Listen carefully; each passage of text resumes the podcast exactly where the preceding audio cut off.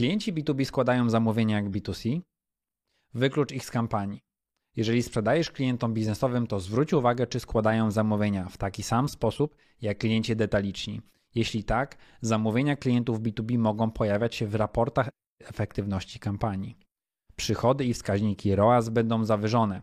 Będziesz źle oceniać rentowność inwestycji. Co gorsze, Google, Facebook, Bing, każde z Twoich płatnych źródeł ruchu może zawyżać te wyniki. Problemem jest, że algorytmy Google, Facebook, Bing ogólnie mówiąc nie rozróżniają klienta B2B od B2C, jeżeli nie wskażesz im sposobu na odróżnienie. W konsekwencji będą dobierać odbiorców reklam w taki sam sposób, aby pokazywać je użytkownikom detalicznym, wykazujących cechy użytkowników hurtowych. Gdy celem reklam jest dotarcie do jak największego grona klientów B2C, wprowadzasz algorytmy w błąd i obniżasz efektywność kampanii. Istnieje kilka rozwiązań tego problemu. Celem tego materiału jest uświadomienie Ci o potencjalnym problemie i zaproponowanie rozwiązania. Instrukcję, jak dokładnie technicznie go rozwiązać, znajdziesz w internecie. To jest przykład. Utwórz parametr isB2B, który przyjmuje wartość true. Gdy składający zamówienie wypełni pole numeru NIP lub zaznaczy, że potrzebuje faktury VAT. Jeśli nie wypełni lub nie zaznaczy, parametr nie powinien pojawiać się jako przypisany do zamówienia.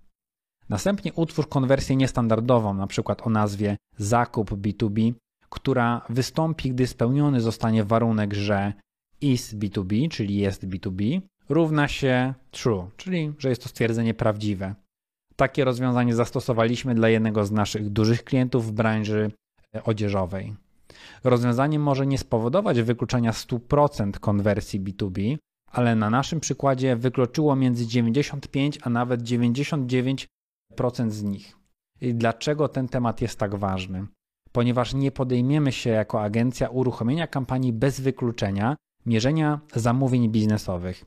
Zadbaj o to wykluczenie przed włączeniem reklam, a problem nie stanie Ci na drodze do większej i rentownej sprzedaży. Jeśli chcesz zwiększyć sprzedaż w sklepie internetowym, zapraszam Cię do kontaktu z nami. Poznamy Twoje potrzeby i dokonamy analizy, czy i jak możemy osiągnąć Twoje cele. Dane kontaktowe znajdziesz w opisie tego materiału lub na naszej stronie internetowej forpage.pl.